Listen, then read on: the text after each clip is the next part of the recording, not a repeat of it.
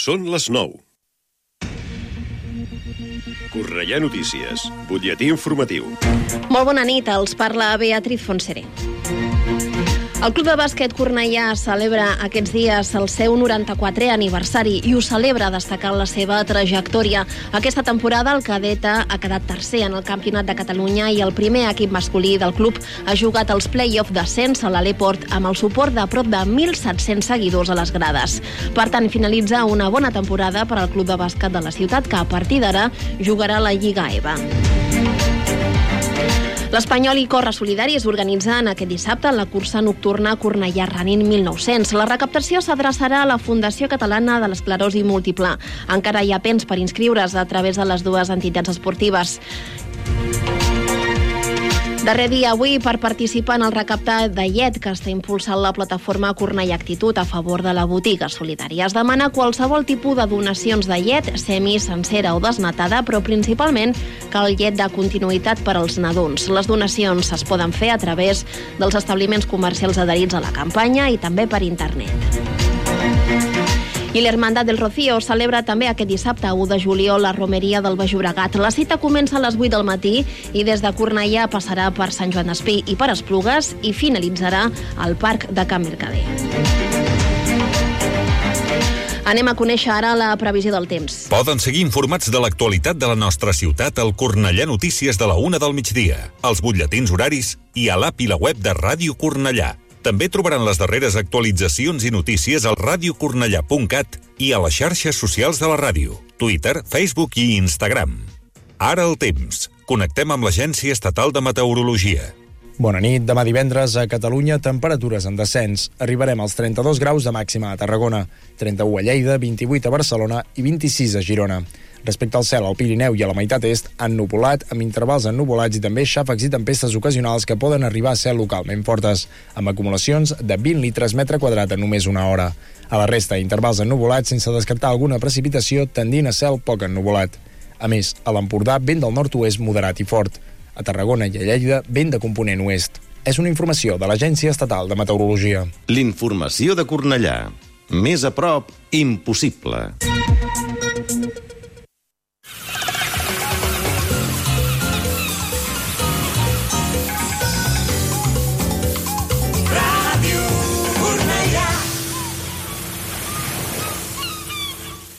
Bon vespre, són les 9 i un dijous més comença Atrapats en la Cultura.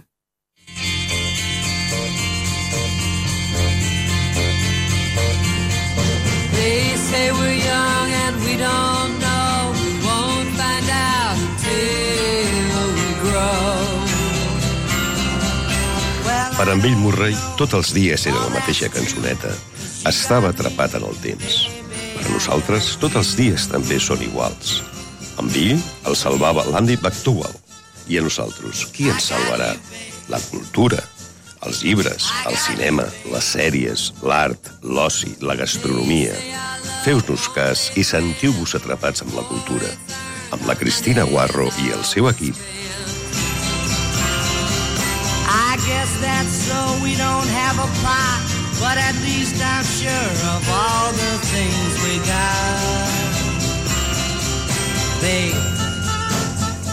Benvolguts oients, ja tornem a ser aquí avui, 29 de juny, últim programa de la temporada. Hem tingut un mes de juny una mica amb diferents problemes tècnics i personals també, per sort tot tot, tot, tot a posto, que diuen els italians, o sigui, perfecte.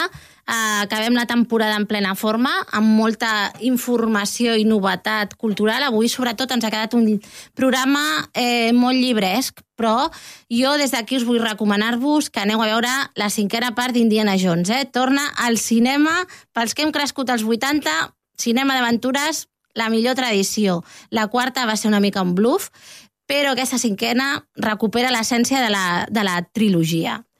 Eh, canviarem una mica perquè teníem contingut eh, pendent d'emetre i ho havíem de fer ja, no volíem ja esperar a la temporada vinent, a l'octubre, aleshores l'agenda cultural aquesta, aquesta setmana no en fem, el que sí que us recomano és que aneu al portal interactiu que fer a Cornellà, que aquest any s'ha renovat, que us, us dona molta informació del que passa culturalment parlant aquí al nostre municipi, a Cornellà, eh, que seguiu a xarxes, perquè cada setmana o cada dia hi ha informació actualitzada de tot el que podreu fer durant aquest estiu al nostre municipi.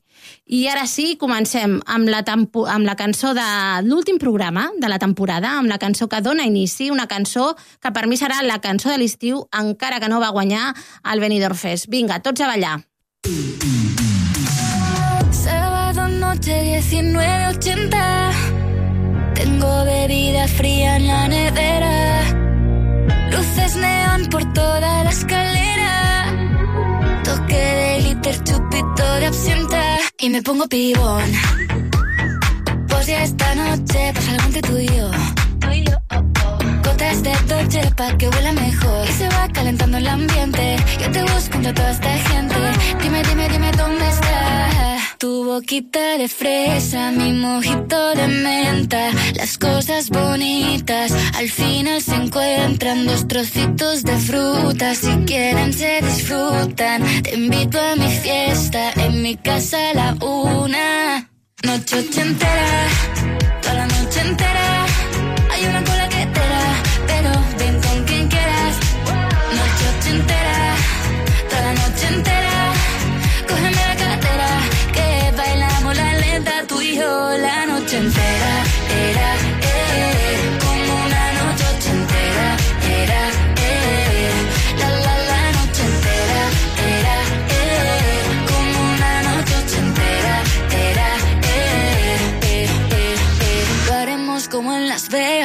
Lo que pasa aquí, aquí se queda. La policía en la puerta Pero nadie nos va a frenar. No, díselo Que esta fiesta no acabó. Dame dos, bien de ron Y salimos al balcón a gritar Que la vida es para disfrutar Que nos sobran ganas de amar. La vecina empieza a picar Que quiere subirse a bailar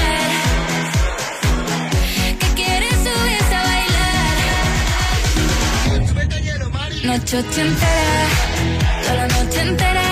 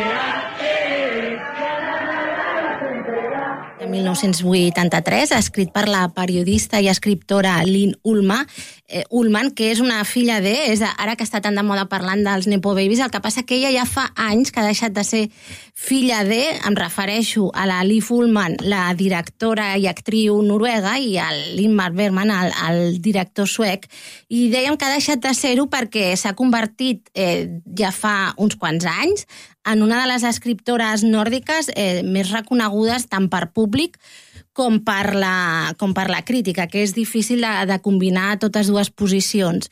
Nosaltres volem parlar d'aquest segon llibre, Noia 1983, és el segon d'una trilogia, i en parlarem amb la seva editora, la Sílvia, ai, la Maria Sampere, perdó. Hola. Hola, ¿qué tal? Muchas gracias por convidarme. Eh, a, a tu per compartir uns, uns minuts de la, de la teva de la vida, no? que ja, ja forma part aquesta una mica també la, la promoció quan els autors doncs, no poden atendre tampoc tothom i més quan són autors estrangers. Eh, dèiem que això és la segona part d'un- d'una trilogia, el que passa que jo no sé si tu saps com ho tenia concebut ella, perquè vosaltres em vau publicar la primera part, que és Inquiets, que és un llibre que ella va escriure mm, ja fa força anys. Vosaltres el veu publicar eh, l'any passat i Sí, és un sí. llibre del 2015, crec. Sí, sí. Ella, ella, aquest llibre és curiós perquè no, ella el va escriure el 2015, nosaltres el 2015. Vam voler, vam voler republicar, però en el 2016, perdó, però tot just era el primer any. Nosaltres a l'editorial aleshores fa només sis anys que hem començat a, a publicar, i en aquell moment la gent literària va ser molt amable, però no ens acabava de donar mai el llibre perquè el llegíssim, no? Per suposo perquè no tenia cap confiança.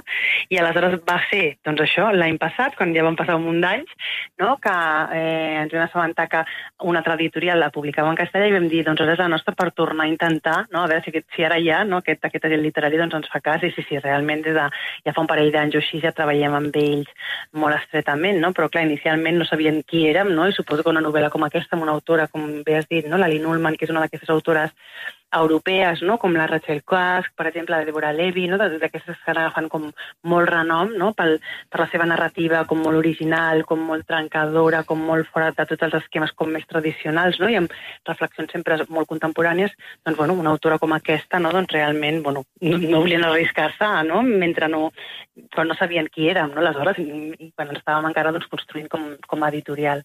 Clar, no? I després de cinc anys doncs, ja teniu un catàleg no? que és una mica que explica una mica què, què és el que busqueu vosaltres com a editorial. Eh, dèiem que és la segona part d'una trilogia, però uh -huh. aquesta noia 1983 està molt centrat en un període en un període concret en què la- l'autora eh, va, diguem-ne, va patir un abús ella no acaba de... encara no ho, té, no ho té clar, és una de les coses més fascinants de, de la lectura d'aquest llibre i n'està parlant a, unes quantes dècades després de, bueno, del que li va passar aquest, aquest Sí. hivern de 1983. Sí. Ella realment, com dius, aquesta és la segona part de la seva eh, trilogia, que és unes, són com les seves memòries, que sempre són unes memòries com molt autoficcionades, tot i que parles, uh Mhm. -huh. parteixen de realitats. Eh? Però quan vull dir que és una mica autoficció en la mesura de que no únicament explica què va fer o què, va, no, què li va passar, sinó que és molt reflexiva. Ella sempre en totes les seves narracions Uh -huh. sempre hi ha com un tema que les travessa, no? que és tot el tema de la memòria, no? que si el que va passar és el que realment tu recordes, si el que va passar, per què va passar, com va passar, saps? Com molt... Bueno, i em Ves tot això, reconstruir, com allò no? que va passar, exacte, com reconstruir tot allò que va passar, com t'impacta ara que ets adulta, no? I aleshores ara ella s'ha posat a escriure doncs, aquestes memòries que inquiets, com bé deies, seria com, la seva, com un retrat de la seva infantesa, ella era filla això de Lynn McBerman i Ali Fullman, dos bueno, superartistes superreconeguts mundialment, i ella era la novena de, de, dels nou fills que va tenir McBerman i de la seva mare, Lee Fullman, no? que curiosament McBerman es va casar amb cinc dones, però no amb la seva mare, la seva mare estava entre la quarta i la quinta, és a dir, que tenia una vida com molt peculiar i estranya. I ja inquieta el que fa és explicar-nos aquesta realitat. Ella vivia sempre amb la mare, entre Oslo i Nova York, i només un mes a l'estiu se'n anava a juliol, el mes de juliol a Faro, amb el seu pare, amb aquest pare que, que, que coneixia d'any en any, no? amb, aquest, amb aquest estiu que, que es passava amb ell allà. I aleshores és molt interessant, bueno, perquè bàsicament el que ella explica és bueno, com és ser filla de dos artistes abocats al seu art no? i com va ser la seva infantesa amb, amb tota aquesta soledat. No? I aleshores, en, aquest segon, en aquesta segona novel·la, que és aquesta noia 1983, el que fa és endinsar-se en un passatge de la seva adolescència. En Quiets veiem la infantesa i aquí és l'adolescència. I és això, una noia de 16 anys que se'n va a París, la seva mare en aquell moment viuen amb ella a, a Nova York, li diu que no vagi, insisteix que no vagi, però ella insisteix que vol anar perquè hi ha un senyor doncs, que l'ha vist, figura, s'ha enlluernat amb ella i figura que li vol fer unes fotos per al Vogue i aleshores la convida a París a passar quatre dies per fer aquestes fotos. Evidentment, quan ella arriba allà, doncs, com ella i altres noietes també treballant no? per aquest fotògraf i per aquest com, com a agent d'artista, de, de models, i evidentment, aleshores entrem amb això que comentaves, que és aquestes situacions que és el que ella ha volgut indagar amb aquesta novel·la, perquè en aquesta novel·la no veus res que estigui forçat, ella ningú no la força res, però és aquesta situació d'una noia de 16 anys amb un home de 30 anys més gran que ella, que les circumstàncies l'entorn, el context la porta a, a fer certes coses que ella realment no sap si realment vol fer o no. Però és aquesta, també aquesta lluita no, de l'adolescència, això de que entre el desig, el voler, el no voler, el no saber, el, no, la curiositat, i una mica reflexiona sobre això, no? intenta entendre què va ser allò, si va ser abús, si va ser... què va ser? No? I intenta amb tot aquest exercici que fa ara, no? des d'aquesta dona, ara que ella té 55 anys o així, ara ella reflexiona sobre aquesta noia, per què aquella noia va fer això? Per què aquella noia en seus moments que hagués pogut potser fugir no va fugir i va acceptar quedar-se i potser va repetir, no? I aleshores és una mica tota aquesta reflexió i també ella la relaciona molt aquesta novel·la quan la parlem, per una banda amb l'amant de Margarit Duràs, no? que també és una novel·la no? que ja tracta tot aquest tema i també, per exemple, amb aquest de la, del, de, el consentiment d'aquesta autora francesa. De, Ah, sí, la, la, la Vanessa Espígora, no? Que és a, tot Espígora, el cas, exacte. sí. És una mica aquesta temàtica tot, saps? el consentiment, uh -huh. no, no hi ha res explícitament, no està forçat res, però evidentment es veu que això que és un abús, que és, una, és un abús eh, d'autoritat o de poder o d'ascendència no? d'una persona adulta sobre una persona jove que està desorientada, no? però ella tampoc no, no els culpa, o sigui, ella més que tampoc culpar-los a ells, encara que els critiqui, ella el que vol, vol aproximar-se és aquesta noia, aquesta noia de 16 anys, no? què va fer, què volia fer, no? ella, aquesta noia de 16 anys, es- està sent mirada i se sent observada, com ells aleshores eren una, una nena, no? i totes aquestes, i en l'adolescència, no? que totes, no? moltes volen ser mirades, i més ella sent filla de la seva mare, que era una dona guapíssima, que entrava a un lloc i tothom es quedava enlluernat i la gent es desmaiava de mirar-la, doncs ella una mica és com el primer cop amb aquest fotògraf no? que sent aquesta, bueno, aquesta, aquest poder no? Sí, de, de, aquest desig, de, no? de poder atreure, no? amb aquest, aquest, des- sí, i aquest, aquesta capacitat d'atreure els homes, no? que ella també doncs, ho busca perquè ho ha vist amb la seva mare i en aquell context no? doncs era això el que havia de voler no? el que normalment volien les noies. No? Eh, Aquest, en el, aquest el llibre aquest de, de Noia, el va escriure durant, durant la pandèmia i aquí, durant el relat, també hi ha molt que ella va al·ludint al fet aquest que com que li van venir flaixos i, i això, jo no sé, jo he trobat que Noies, a diferència d'Inquiets, és com encara més fragmentària l'escriptura. No sé si... Totalment. Ella, Sí, estàs quan- d'acord. Quan hem, sí, totalment. O sigui, realment en aquesta noia eh, és com si ella anés com, com gratant, o sigui, torna, saps, està com una, com una novel·la com una mica circular, no? Toca un tema, se'n va cap a un altre, torna al present, a la seva mare, al confinament, torna al passat, no? Fa com, va fent com uns cercles que també serien, i cada vegada no, va endinsant-se més a la memòria, va, va com a- donant-nos no, més informació sobre allò que va passant, i torna, no? És, és com, que, com si no s'atrevís una mica com l'inconscient, no? Com que es va apropant, es va apropant a què va passar, i de mica en mica no semblaria doncs, que anés recordant, no? però també com amb aquest cercle no? que una mica també vendria a dir, doncs, bueno, vendria a reflectir aquesta desorientació d'aquesta noia jove. No? També, justament, fa un paral·lelisme entre aquesta noia jove perduda a París i una i una depressió que ja té durant el confinament amb 55 anys, doncs que també té com una crisi com vital, no? I relaciona aquests dos fets, aquesta dona madura perduda, aquesta jove perduda, intenta veure si ha una relació entre aquests dos moments o no, simplement són dos moments no? que s'han donat en, en una dona, no? de, de moments de, de, bueno, de desencís o de, no? de, o de, o de desconcert. Però sí que és veritat que aquesta narrativa és molt fragmentària, moltes memòries, molts records, tot barrejat, no és una narrativa ben bé... No? Hi ha una línia no? argumental, però realment estic totalment d'acord amb tu, no? que és molt més fragmentària i per això també és, com deia al principi, no? una de les autores contemporànies actuals europees doncs, més, més aclamades i admirades no? per aquesta habilitat que té no? doncs, de construir, de saltar totes les estructures. No? Ella sempre diu que ella no vol fer una, no, no, no són memòries, no és ficció, no és... A ella li agrada molt barrejar una mica els gèneres, però ja no hi ha gèneres, no? hi ha coses a explicar. Sí, eh, tu saps, la, la tercera part, saps si la tenia ja pensada? Mira, la tercera part, diu, l'està escrivint ara, sí. val? segons ens, ens, ens ha dit la gent literària. Està molt tancada, fent, o sigui, està com molt concentrada Aïllada, en aquesta tercera eh? part. I en aquesta sí, bastant. Vull dir que alguna, vam intentar fer alguna entrevista, ens, va- ens ho va limitar molt, bueno, em va fer alguna, eh, amb algun periodista, com vam Sí. publicar Noia, però realment molt restringit tot, sí, realment, perquè està com molt centrada. I aquesta tercera anirà sobre la maternitat, sobre quan ella va ser mare. Ja té dos fills i ens explicarà tot aquest passatge, però l'està escrivint. Vull dir que encara no hem tingut, no ha sortit publicat encara a Noruega, no hem pogut llegir tampoc cap esborrany, vull dir que està, està fent-lo. Va, entenc que o sigui que la, la tria de les temàtiques de, tot, de cadascuna d'aquestes parts de la trilogia és conscient. Sí, sí, Sí, ja- ja tenia. Com les reflexions d'una bueno, d'ella, no? d'una dona. Ella sempre diu que ella parteix de la seva pròpia experiència personal, però amb la idea no, d'intentar això generalitzar i trobar temàtiques, no? que és el que fa la literatura, no? que puguin, eh, bueno, molta gent pugui veure si reflex, reflectida. No? En aquesta, per exemple, d'infantesa, en aquesta que comentàvem d'inquiets, Uh -huh. ella no vol mai, no, quan ho va publicar, que ningú li pregunti pels seus pares en concret, no, encara que tothom sabem qui són. Ella ha volgut explicar com és ser filla de dos artistes, de dues persones abocades al seu art, el principal és la seva creació artística, més enllà de que sapiguem qui són i els seus Mhm. noms i cognoms. No? En aquesta segona trilogia doncs ella ens ha explicat com bueno, l'adolescència, no? allò que busques, el desig, la por, les ganes de provar, no? tot aquest, aquest món també no? de, de, de, del fet de fer-se gran, no? de que no ets un nen però tampoc ets un adult, no? tot aquest, aquest altre món no? que també molt, molts eh, ens podem sentir clarament, eh, moltes, no? reflectides en, en, en, en aquests successos, en aquests pensaments que ella té. No? I a la maternitat, segons ens ha dit, doncs, també torna a fer doncs, aquesta, a partir de la seva experiència individual, intentarà també no? doncs, explicar-nos una mica, no? una, bueno, arribar a aquest punt de comprensió una mica no? més, més, més universal o que pot ser més compartit entre més dones en aquest cas, no? Quan, perquè sempre parla com de, més en, primera persona, no? tot el que inclou sempre la seva parella o, o, o els seus fills. Molt bé, doncs és, va, va una mica amb la línia amb la que tu deies, amb les, amb les autores que, que estan bé, més rellevant dels últims anys, no? Has parlat de la Deborah Levy, però també no hem mencionat la Nirno, que a més ha estat l'any que ha guanyat el Nobel, i va també una mica Exacte, en aquesta línia, exacte. aquest tipus d'escriptura, eh?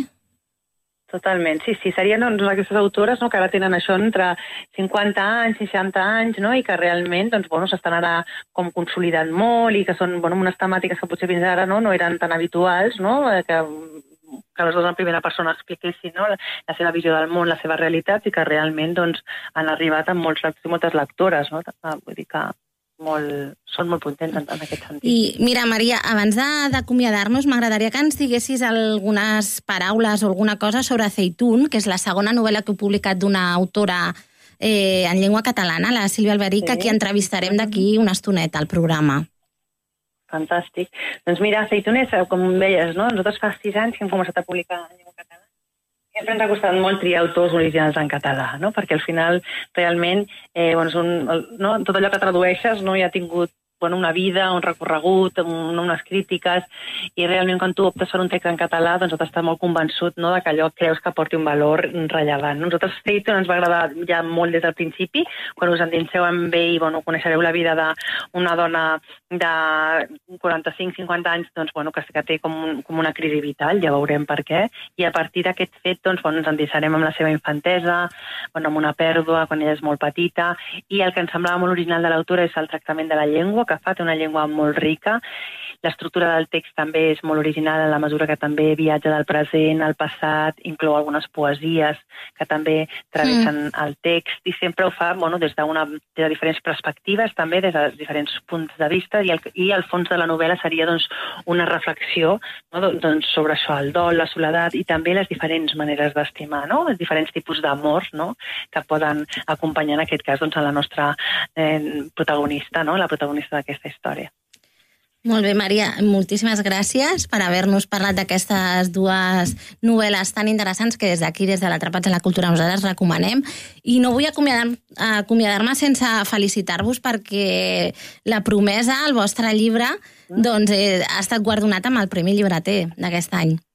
Sí, sí, sí, estem molt contents. Eh, com deia, fa sis anys que hem començat a publicar. En aquests sis anys hem tingut tres llibres finalistes que no havien guanyat. Uh -huh. bueno, i aquest, amb aquest tercer, que era La promesa, doncs sí que hem aconseguit doncs, aquest guardó no, de, de la novel·la traduïda, no, doncs, que els llibreters d'aquest any doncs, han considerat que era la més rellevant. No? I la, la, novel·la, la promesa és una novel·la d'un autor sud-africà, Damon Galgut, i el que fa és explicar, a partir de la història d'una família blanca, eh, bueno, com, pues, tu segueixes la història familiar, no? per una mare i, i tres germans, seguim la història d'aquesta família durant 30 anys, però en el rerefons del que li passa a aquesta família, que li succeeix, ens està explicant la, la, la, la fi la història de Sud-àfrica des de l'inici de la fi de l'apartheid, quan comencen a haver les primeres revoltes que Mhm. acaben derrocant no, eh, el règim i plantejant les eleccions fins a temps actual, no? amb, amb, amb, amb la crítica final no, d'allò que havia de ser realment la fi d'un règim i una segregació entre dues comunitats i el que ha acabat sent realment. No? Legal, legalment sí que hi hauria aquesta igualtat entre negres i blancs, però la realitat és molt diferent. Hi ha una gran, evidentment, diferència eh, econòmica, cultural, d'educació eh, no? en- entre les dues comunitats. No? I és la crítica i el rerefons d'aquesta novel·la. No? Però, com deia, el lector llegirà només doncs, la història d'uns personatges, d'un pare, d'una mare, eh, tres fills, no? doncs que, bueno, que veurem des de que són la filla més petita, quan comença a novel·la, té, té 9 anys, no? doncs fins, fins a la seva vida adulta. No? I és molt original també amb, amb la llengua, els, els punts de vista de, del narrador, el narrador és molt original perquè de sobte en, comença primer, sembla que no opini de la història, cada vegada veiem com inter, in, inter, interpel·la més el lector, opina més i jutja els, els personatges, és molt original també en, en l'enfocament no, d'aquest autor no, de, sobre, sobre la novel·la. Ja parlaves del to, m'ha vingut al cap, ja sé que et volia acomiadar, però bé, avui si fem alguns no, minuts no, no. de més no passa res. No, m'ha vingut al cap que teniu eh, un catàleg eh, farcit d'escriptores, de, sí. més que no pas d'escriptors. Sí, a veure, nosaltres la veritat, quan vam començar a publicar, teníem clar quin tipus de narrativa volíem publicar, que això és el que tots els, um, no, els col·legues amb els que ens vam assessorar o les persones que vam demanar consell no, ens van dir que era una de les coses més importants no, per definir una, o per crear una nova editorial, que és que tenir una, una línia editorial molt clara perquè els lectors sàpiguen què trobaran en allò que publiques i casualment doncs, el tipus de narrativa que nosaltres publiquem, que seria això, no? els, els grans temes que sempre han preocupat a l'individu, no? la vida, els pals del temps, les relacions humanes, no? totes aquestes temàtiques, eh, evidentment sempre connectades amb el món actual, no? que ens ajudin una mica a comprendre el món d'avui, doncs hem trobat que moltes de, de, bueno, moltes de les novel·les que ens encaixen en aquests paràmetres estan escrites per dones, però com deia, en cap cas només volem publicar dones. Ens surt aquesta proporció i ens sembla meravellós, uh -huh. però la idea és publicar bones novel·les sobre aquestes temàtiques, no? I dona la casualitat, doncs, mira, que alegrement doncs, són més dones, però això no... Evidentment també hem trobat molts homes, alguns homes menys, de moment, però alguns, i tant, que formen part també eh, perfectament del nostre catàleg i que hi encaixen perfectament. Doncs, Ma Maria Sampere, gràcies per acompanyar-nos i bon estiu.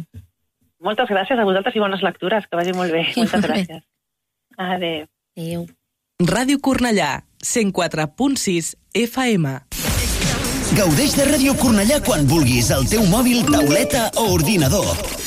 Entra a radiocornellà.cat i se t'obrirà un enllaç per instal·lar al teu dispositiu l'aplicació de Ràdio Cornellà. D'aquesta manera la tindràs sempre actualitzada. Podràs escoltar la ràdio en directe, descarregar i compartir els teus programes favorits, accedir a les notícies de la ciutat i molt més. I ara amb la millor qualitat de so. Ràdio Cornellà, sempre al teu costat. Oye, siempre tengo puesta Radio Cornellá en mi tienda y escucho los anuncios de tu establecimiento. Pensé que, como muchos otros comercios de la ciudad, el mío también tenía que salir por la radio. Por menos de lo que pensaba, ya ves qué anuncio más guapo tengo. Yo también quiero. ¿Qué hago? Entra en radiocurnalla.cat, ponte en contacto con ellos y se encargarán de todo. Ya tengo ganas de escuchar mi anuncio en la radio. Verás cómo notarás la diferencia.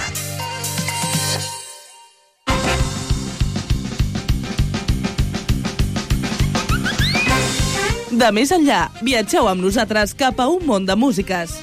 Connecta't amb De Més Enllà cada diumenge de 5 a 7 de la tarda a Ràdio Cornellà, amb Jordi Garcia.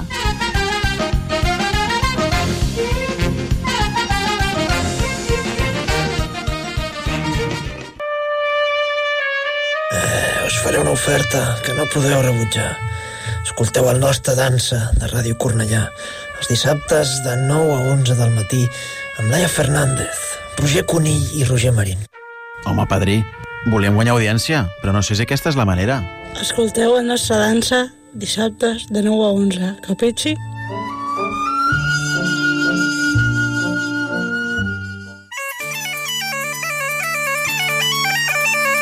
Escoita sempre en Galicia. Todos los sábados, de 6 a 8, dos serán. Tots els dissabtes de 6 a 8 de la tarda, escolta Sempre en Galícia. Informacións, novidades, música galega, entrevistas, colaboracións, participacións dos ointes, premios e moitas cousas máis. Con Armando Fernández, Laura Santos, Marc Ford e Xulio Couchil.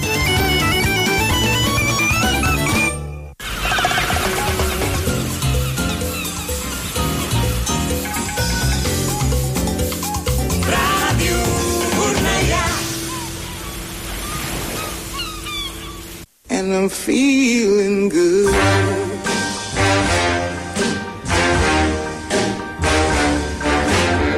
L'entrevista. You know how I feel. River running free. Doncs ha arribat l'hora de l'entrevista d'aquesta setmana, d'aquest últim programa de, de la temporada i uh, avui parlem amb la Sílvia Alberich. Hola, Sílvia.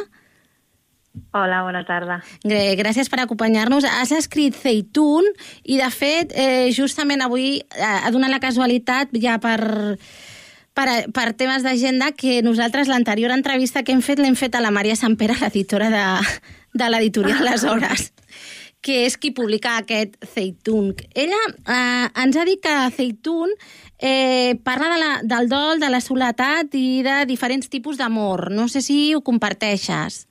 Sí, uh, penso que és... Uh, bueno, Zeitun té una protagonista, que és la Nadine, que està marcada per un, per un dol migratori i, i que ve donat per una pèrdua familiar, és a dir, també per un, un dol familiar i, i aleshores, bueno, és aquesta dona adulta com es vincula amb el món i en les relacions també afectives a, a partir de tot això que ella arrossega.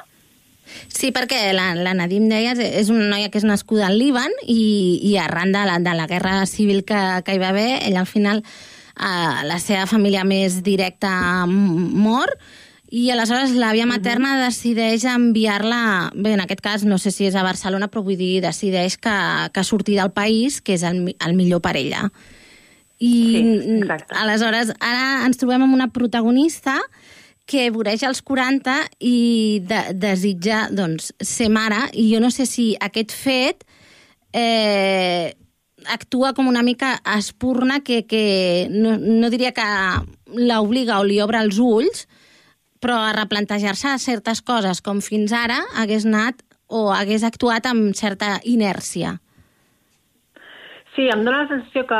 mm, Em dóna la sensació. Crec que la Nadine m'ha posat a un lloc de d'una dona que, que sí que té una crisi, que el fet de, de la dificultat que està tenint per eh, ser mare també la porten a haver-se a enfrontar al tipus de vida que està tenint i, i aleshores és un moment mm, d'ella de redescoberta. Jo crec que és, la novel·la parla d'un període molt curt a la vida d'ella, que són uns mesos d'univers, no? I és un moment de... Ella s'està buscant. I una de les formes amb les que es busca és amb la maternitat, però penso que és una de les formes amb les que es busca, no? També estableix relacions amb gent, uh, bueno, uh, i d'alguna manera es, es troba amb que, que la vida, aquesta vida una mica uh, molt apagada, no? Una, una persona que d'alguna manera està, arrossega aquest dol i que doncs, hi ha com un, un petit despertar de la Nadine. Sí, perquè al final que cada persona el dol doncs, el, el porta com bonament pot, no? I Mhm. el passa de la manera que, que pot. A, Sí, a vegades, vull dir, sí, tampoc sí. no és que sigui una cosa immediata, vull dir, que te'n pots anar a, a donar, com sembla que és el seu cas, eh, dècades després.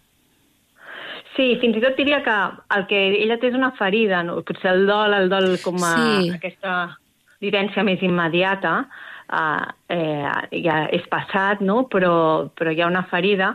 Tot i així, uh, clar, la ferida és una part que defineix el personatge, però penso que també hi ha altres temàtiques, no? Eh, Aquest desig de maternitat, però la maternitat també ve vista d'una forma complexa. Hi ha qui la desitja, hi ha qui la rebutja, hi ha per qui la maternitat és una càrrega, per qui la maternitat és una absència, no? I, bueno, penso que, que aquest és un, un tema que també apareix a la novel·la. I després, eh, penso que també, eh, com deies que la Maria Sant Pere havia dit que es parlava d'altres formes de o diferents formes d'amor, uh -huh. uh, trobo que la literatura ha donat molt protagonisme a l'amor uh, de parella i, i crec que aquesta novel·la mm, intenta mostrar altres relacions que també són molt importants, no? Aquí veiem la de l'àvia, Uh -huh. uh, la relació amb la germana, la relació amb una amiga, que l'amistat, el que li genera amb ella, que potser és un motor de canvi molt profund. Uh -huh. la, la fraternitat, no? Sí, exacte, no? I, eh, a mi em, fa molt temps em va cridar molt l'atenció un concepte que, que vaig aprendre d'una poeta que és Adrienne Rich, que deia, parlava del continu lesbià i deia que sovint s'ha parlat només del lesbianisme com aquell amor entre dones que, ten, que són parella, no? Però deia, hi ha molt amor entre dones que ha quedat soterrat, que invisibilitzat, que és l'amor de les mares, l'amor de les germanes, l'amor de les amigues, i vivim en una societat que ens ha venut que les dones entre elles competeixen, no que s'estimen. I diu, en realitat hi ha molt amor entre dones, no? I a mi també em venia de gust mostrar aquests altres amors que poden haver-hi entre dones. Sí, la, la sororitat, no? Exacte, exacte. Però, però volia mostrar-la més que um, parlar-ne directament, no? Uh -huh. Que aquesta sorori- sororitat quedés um, vista a través de què és el que genera una... Bueno, en, eh, jo crec que la novel·la mm, apareix uh, una relació nova, que és una relació que torna a despertar sentiments que la protagonista tenia molt tancats en, en clau i forellat, i és eh, aquesta sororitat, però mostrada més que explicada clarament, no? Sí, perquè mm, ara parlàvem de la- la Nadine, hi ha un dels personatges, que és la, la Maria, la seva companya de feina, que parla de la Nadine com una euga que en estat salvatge, no? I que potser això és el que la fa tan atractiva eh, cap a la mirada dels homes i en general atractiva per la resta de, de persones que l'envolten o de la societat. Mm. La Nadine és un, un personatge esquerp eh, i això potser fa que hi hagi qui la interpreti com a pues, una mica poc eh, adaptada a les convencions socials, no? Uh -huh. I, I això en, a, a la Maria, que justament és un personatge que les convencions socials potser l'han ofegat, doncs és una cosa que la treu molt de la Nadine. Va, és, és la, la, la, el seu antítesi, no? Sí, encara que després també veiem que tothom té complexitats i que la Maria tampoc és un personatge tan convencional, no? Bueno, al final que les persones són polièdriques, no?, afortunadament. Eh, Sí, sí, sí. Eh, una de les coses que, que més m'ha agradat és aquesta polifonia de veus. Hi ha diferents capítols amb el punt de vista de diferents eh, narradores, hi ha el punt de vista de, de l'àvia eh, paterna, uh -huh. de, de la mateixa Nadine, també de la Maria, i fins i tot de la Pilar, que és la seva mare a, adoptiva. Eh, aqu aquestes, aquestes veus, diguem-ne, aquests punts de vista, després també es combinen amb els escrits que la Nadine fa al, al quadern, amb diferents anotacions, i hi ha fins i tot una mica de, de poesia així intercalat. Jo no sé com... Quan vas començar a escriure Zeitun, mm, com si tenies pensada, pensada gaire l'estructura o com... Doncs la veritat és que no la tenia gens pensada i una de les dubtes que vaig tenir al principi és quina veu narrativa havia de fer servir, si una narradora doncs, en tercera persona, uh -huh. que, nar que es pot ficar a la, a la, en qualsevol personatge, una, prim o una primera persona. Em va semblar que una tercera persona li, eh, m'era més fàcil, però a mesura que escrivia vaig trobar a faltar que les protagonistes o les persones que apareixen, aquestes dones sobretot, eh, parlessin per elles mateixes. Em semblava que aquesta tercera persona els hi, a, a, les anul·lava una mica a nivell de veu pròpia, no? perquè quan escrius en primera persona això et permet doncs, molta més divagació, eh, un, un discurs més, endre, més desendreçat, no? i em, em va faltar aquesta veu més personal i, vaig, i així, mentre estava escrivint, és quan, quan va sorgir la necessitat d'incorporar veus en primera persona, eh, al principi de l'àvia de, de la Nadine, i després sí que és veritat, quan començava a escriure la novel·la o quan vaig tenir com una primera versió, la vaig passar a algunes persones i, i va haver bastanta coincidència en algunes amigues que em van dir ostres, m'hagués agradat més que es desenvolupés tal personatge o que es desenvolupés que l'altre. I vaig dir, doncs vinga, anem a ficar més veus en primera persona. Va, per tant, estem parlant que hi ha alguna... És reescriptura o simplement certa ampliació? Bueno, jo penso que és, no, no és reescriptura perquè no hi ha el que hi havia, tampoc no ho vaig retocar massa, sinó ampliació i, i després per mi també mm, ha estat molt interessant l'experiència d'escriure aquesta novel·la perquè l'he compartida molt. O sigui, hi ha gent amb la que he compartit molt el que anava escrivint, uh -huh. uh, que ha anat opinant i, i per mi té un...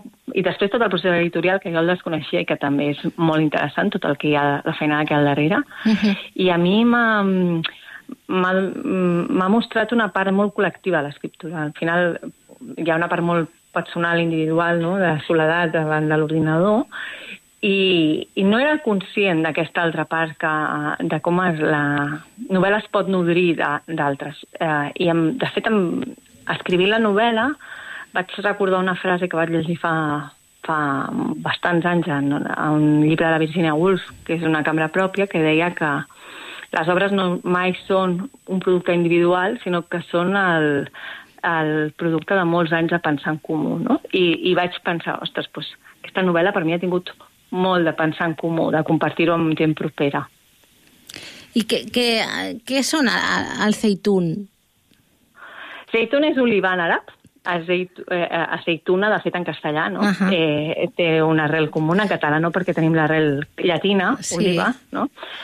Però pensava que era un element mm, que va molt representatiu de, de, i unificador de les cultures del Mediterrani. Al final, la Nadine és una dona que està escindida entre el seu origen libanès Uh -huh. i, i la seva vida ja des de nena, des dels 8 anys fins a ara que és adulta, a Barcelona. I al final són dos llocs diferents, eh, moltes diferències culturals, geogràfiques, socials, però tenen alguns trets comuns propis de... de bueno, de, són cultures mediterrànies. I pensava Sí. que l'oliva eh, és un element molt compartit, no? I, i, i de fet per la Nadine ho és, o sigui, la- l'oliva és aquí, està allà i torna a estar aquí, no? És un, Mhm. un, un aliment que la porta aquí i la porta allà. Sí, a mi, a mi m'ha passat el mateix. A més, és que justament avui eh, venia pensant en l'entrevista i he anat a comprar olives al mercat. I clar, m'ha vingut la, la mateixa imatge, no? I sí, realment és una gastronomia, són gastronomies molt, molt pròximes i bé, al, fi, al final també la climatologia és el que ens permet de, de cultivar, no? A, Clar. a les zones. Eh, I hi ha també un moment que a mi m'ha creat l'atenció sobre el tema de, no sé si de, dels orígens, del que és la, la pàtria, i és que eh, el pare adoptiu eh, explica, bé, això està explicat en, en veu de la, de la Pilar, de la mare adoptiva, ens explica que insisteix diverses vegades a la Nadine eh, amb el fet de, de portar-la al Líban un cop ha acabat la guerra i que ella no, no vol i al final doncs, acaba dient que, que no vol perquè ha oblidat la llengua. Sí, i en, jo volia que la novel·la també hi hagués una reflexió sobre la importància de la llengua, no? Una- La llengua també és un element que ens construeix, pensem a través de la llengua, Uh -huh. ens comuniquem i compartim i ens relacionem amb el món a través de la llengua i, i d'alguna manera volia utilitzar la llengua per mostrar aquest impacte que en aquesta nena té el canvi de- d'escenari, no? I no només a nivell de... Bueno, tenia una família i ara en té una altra, i vivia en una ciutat i en una altra, sinó feia servir un, un idioma, un llenguatge, unes paraules per comunicar-se amb el món i, i de cop aquestes són substituïdes per unes altres, no? Llavors la Nadine té aquí, aquí, aquí el, aquest poesies o versos o aquesta, uh, aquesta forma més lírica que a vegades incorporo a través del quadern de la Nadine, vol mostrar també aquesta cerca d'ella a través de les paraules i, i bueno, penso que, que, és, in, que és una manera de, de mostrar aquest, uh, aquest lloc uh, de, de pèrdua o aquest lloc de trauma que, que, ella, que ella té, no? I de, de bueno, és, ja diu, no recordo l'idioma, per això no vull tornar, Mhm. és una manera de dir, uh, em sento aliena a allò que vaig viure, no? Tinc dos vides, una vida abans de la vida que tinc ara. Clar, al final també la novel·la eh, parla una mica del desarrelament.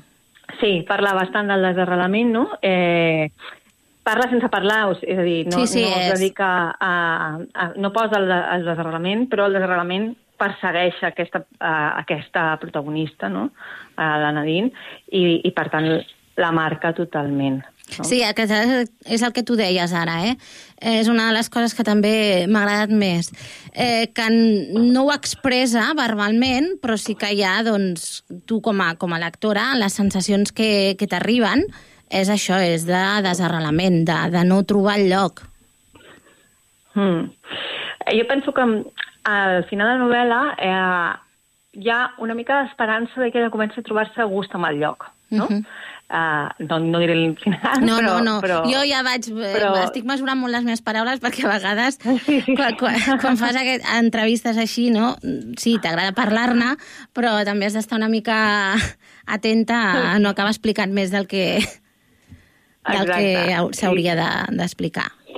Però jo crec que ella potser comença a trobar-se una mica a gust amb el lloc. El que passa que, evidentment, doncs, es- tres mesos de la vida d'una persona doncs, no, no, no serveixen per arreglar tot el que arrossegues de tota una vida. Per tant, eh, bueno, el seu, les, el, el seu malestar amb el d'on és no, no, no el pretenia resoldre. I a tu la, ja has publicat al, alguns relats i, Sí, i bé, hi ha articles peri periodístics, eh, també. Sí. Això és la teva òpera prima i tu tens una relació molt especial amb el, amb el Líban. Sí, sobretot d'enamorament. És a dir, no, no tinc una... No sóc nascuda al Líban, eh, i al Líban hi vaig estar una temporada curta, en realitat. Eh, eh, però és veritat que és un país que quan vaig arribar em va enamorar. Jo venia d'estar vivint uns mesos a l'Índia i vaig aterrar directament al, a, a Beirut des de, penso que de Calcuta, ara no estic segura de Delhi o que... Bueno, venia Sí. d'allà i vaig uh, arribar directament a Beirut perquè anava a veure la meva germana que, que treballava allà. I vaig arribar i vaig dir, estic a casa. O sigui, me'n vaig sentir molt, molt a Barcelona. M'enyorava molt, feia temps que tenia moltes ganes de, de tornar a Barcelona, i vaig fer aquesta parada intermitja, i, i vaig sentir realment que, que estava a casa. A mi hi ha alguns barris de, de Beirut uh, que em recorden moltíssim a Barcelona. Hi ha altres zones de Líban que, que potser són més semblants a, a la idea que podem tenir de Pròxim Orient. Eh? Però justament Beirut uh, té algun barri que, que era sí, Barcelona. tu, em sembla, sí, que em sembla que la novel·la parles de barris costeruts, no? que és una mica bueno, en la part elevada de Barcelona. Exacte, barris costeruts, que miren al mar, eh, que tenen edificis La, molt la importància del port. Exacte, sí, sí, sí. Uh, tot, tot això, uh, bueno, em va agra- em agrada molt, és una societat complexa, dividida per una Sí. guerra civil, això també em va resultar molt interessant d'intentar comprendre, no? Uh, interessant i alhora és, eh, bueno, diguem, és, és una història mm, dura i de dolor la que arrossega el Líban, no? Uh -huh. Sí, Però que sembla que no aixequen té- cap, eh? Mm, sí, No acaben. i també per el context que tenen al Sí, voltant, ja, sí, tot, no hi plegat ajuda. és molt complicat, no? Sí, sí, però bueno, també és una societat uh, mm, molt diversa, això resulta molt interessant, no? no hi, ha- hi ha molts grups, moltes comunitats, ha, penso que són 17 comunitats uh, Mhm. religioses, però no només, o sigui, també tenen una forma, uns codis civils propis, cada comunitat, i, i després una cultura culinària molt semblant a la nostra, mediterrània, però alhora molt particular i, bueno, més, la, la que coneixem més de Pròxim Orient, no? I, i tot això va fer que a mi fos un país que em fascinés i, i res, la- l'any següent que- d'anar a veure ma germana vaig tornar, eh, vaig estar uns mesos ensenyant castellà Mhm. a, a l'Institut Cervantes i després vaig tornar alguna vegada perquè la meva germana es va casar amb un libanès i he tornat alguna vegada, però tampoc és que no tinc un vincle de... No és un país on hi hagi viscut anys, ni... Mhm. És un país que, que m'enamora. I d'on sorgeix la, la idea d'aquesta novel·la? Doncs uh, la Nadine és un personatge que eh, no sé per què feia molt temps que tenia al meu cap. El sabia, el coneixia i mm, en un exercici que vaig fer en un curs que, que estava fent, que no era uh, de novel·la, era narrativa en general, Uh -huh. vaig... Eh, bueno, van demanar de caracteritzar un personatge i, i vaig, vaig crear la Nadine, però, bueno, crear, la vaig plasmar en un paper. I a partir d'aquí ja no me la vaig treure a sobre. Recordo fins i tot que un dia vaig anar a la platja amb una amiga i li vaig començar a parlar de la Nadine i la meva amiga va, li va posar signe del zodiac i tot. Li va, li va posar un horòscop i, va, i vaig dir, ostres, ja existeix no només per mi. I això m'agradava molt. I vaig tenir moltes ganes de- de- d'anar més enllà. Però és cert que jo en aquell moment doncs, no havia pensat en escriure una novel·la i això es va quedar aturat. De fet, vaig estar fent, vaig eh, apuntar-me a fer curs de conte perquè m'agrada escriure contes i això va quedar parat. I un dia doncs, ho vaig recuperar i em vaig posar a escriure la novel·la. Molt bé. Eh, però, o sigui, al final és com una idea força madurada, no?, aquest, desenvolupar aquest, aquest personatge de la Nadine. Sí, jo crec que la idea feia molt de temps que, que la tenia al cap. Eh, no, no sabia que anava a ser una novel·la, però era, ho tenia al cap i potser feia anys. Eh, potser no tan clar, amb un nom tan clar, potser més... Però sí que el tenia el personatge. I el que després la novel·la sí que ha sigut un període més breu, vaig, mm, he trigat un any en escriure-la, però, però pensar-la la, la portava pensant molt de temps. Doncs, eh, Sílvia Alberic, moltíssimes gràcies per haver-nos acompanyat a l'últim programa de la temporada. Des d'aquí recomanem la lectura d'aquest Zeitun. I, I, per cert, ara que pa parlàvem de gastronomia, pots recomanar algun restaurant libanès a Barcelona? Doncs mira, uh, la veritat és que no, o sigui, vaig a alguns libanesos, però perquè em queden a prop de casa. Eh, Jo Val. visc a, a, a Sants i vaig a un restaurant libanès que tinc a prop de casa, però mm, uh, en realitat és que quan menjo libanès a vegades ho cuino jo i de vegades, uh, bueno, amb gent propera que, que és del Líban, menjo el que ho cuina, no... no no, la meva germana cuina Clar. molt, mm, eh, té, i aleshores tampoc et diria...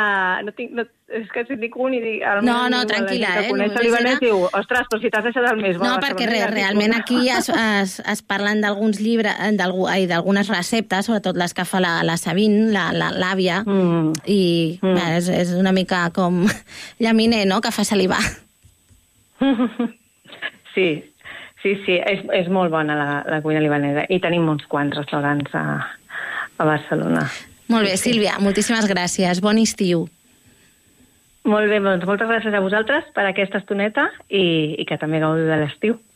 Estàs escoltant Atrapats amb la cultura.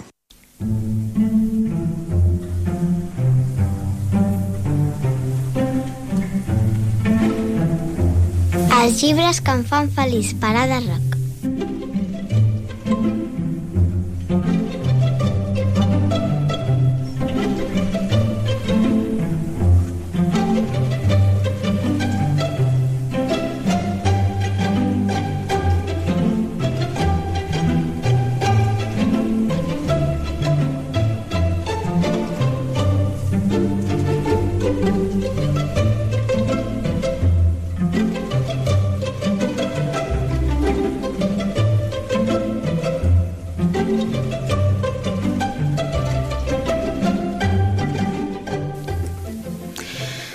Doncs arribem al final del programa i és el torn de la nostra col·laboradora més jove. Bona nit, Ada. Bona Roc. nit. Com va? L'estiu? Gràcies. Sí? Sí, molt bé. Tot a punt? Sí. Vinga, som-hi. Hola a tots i totes, em dic Ada i estic molt contenta de compartir amb tots vosaltres els llibres del meu dia a dia. Va, per quin començaràs? Que avui ens portes diverses lectures. Quina Sí. és la primera? Dos corazones en Londres. L'autora és la Tea Stilton, que jo em pensava que era el personatge, però no, sembla ser que, que n'és Sí, l'escriptora. és l'autora. I publica Destino en la seva col·lecció infantil i juvenil. Recomanat per a nens i nenes a partir de 9 anys d'edat, té 176 pàgines i unes quantes més d'activitats. Això Les- és com els quaderns d'estiu, no? Amb Sí. exercicis. Ah, està bé, és interessant. Sí. Les protagonistes són un grup de cinc amigues que es diuen Colette, Violet, Paulina, Nikki i Pamela. La història passa a Londres, tal com surt el títol. La història comença quan la Violet li convida a tocar el seu violí al Teatre de Londres. Quan va arribar a Londres van viure un seguit de problemes que impedien que el concert es fes al teatre. Davant d'aquesta situació misteriosa, les Teas Ti- Sister, que és el nom del grup de les amigues de Violet, van començar a investigar què estava passant i a partir d'aquí tenir un per endavant un misteri per resoldre. El desenllaç és molt sorprenent i entretingut. Li dono la puntuació de l'1 al 10 mm, un 10, ja que és un llibre molt agradable de llegir i entretingut. El llibre m'ha fet sentir que puc resoldre molts misteris. Sí que de gran vols ser investigadora? Sí. T'agradaria? Vinga, en portes més? Sí. El segon llibre que us parlaré serà Per què ets especial? Un inspirador llibre infantil sobre potència, coratge i força. L'autora es diu Alma Gros. Sí, recomanat per a nens i nenes a partir de 8 anys d'edat. Té 42 pàgines, però t'ho explica tot. Les protagonistes són Maria, la seva mare i el seu pare. I on, on passa la història? La història pa passa principalment a casa de la Maria. I què, què ens explica aquest llibre? Al principi del conte, la Maria s'havia enfadat. Estava dins d'una tormenta d'emocions. La mare li va donar suport i li diu coses molt boniques, com que ella és molt especial per a ella. Aquest llibre ajuda quan et sents malament a motivar-te. El de Senyors m'ha donat eines per ajudar a tenir paciència i a viure que tots i a veure que tots som especials a la nostra manera. La meva puntuació de l'1 al 10 és 9 i mig, perquè està molt bé, ja que ajuda a aprendre coses boniques de mi. El llibre m'ha fet sentir que cada nen i nena són molt especials. I va, crec que, que portes un tercer llibre també?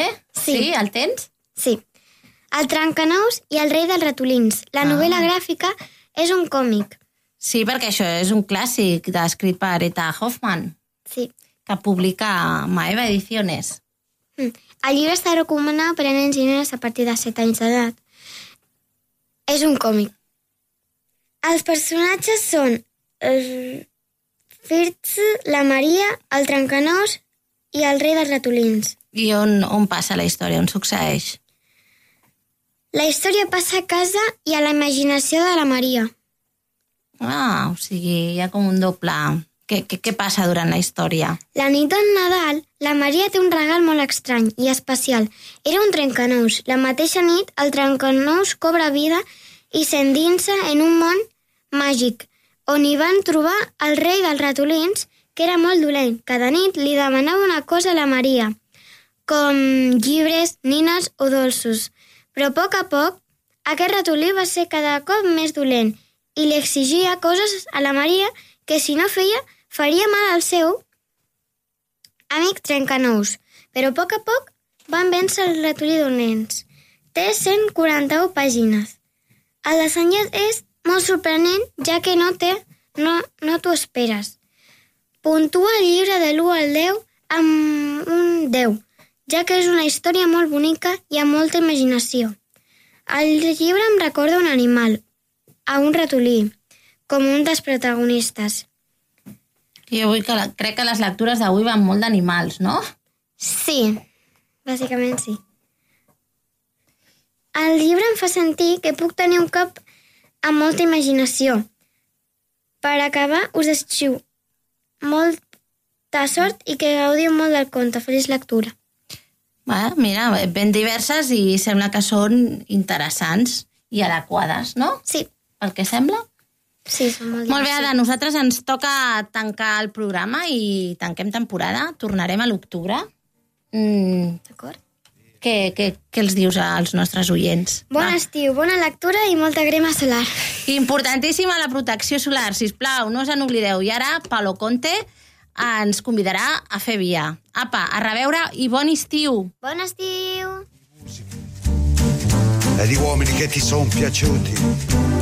It's wonderful, it's wonderful, it's wonderful. Good luck, my baby, it's wonderful, it's wonderful, it's wonderful. I dream of you. Chips, chips, da ti do di do, chi boom, chi boom boom. Da ti do di do, chi boom, chi boom boom. Da ti do di do. Via, via, vieni via con me.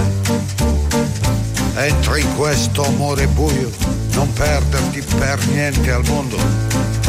Via, via, non perderti per niente al mondo. Lo spettacolo d'arte varia di uno innamorato di te.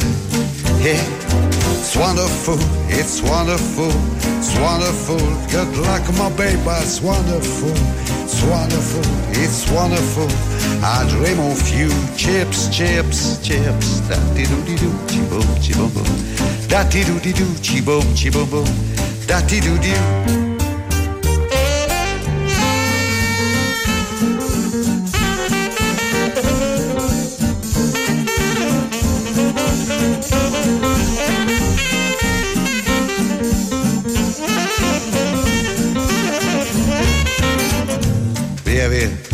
Via con me. Entra in questo amore buio, pieno di uomini. Via, via, entra e fatti un bagno caldo.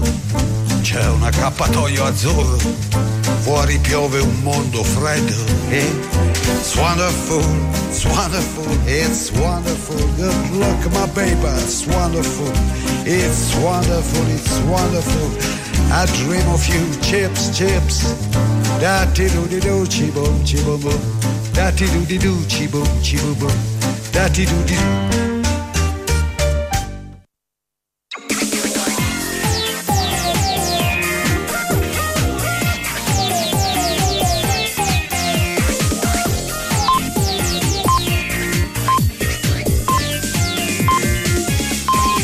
Són les 10. Correia Notícies, butlletí informatiu.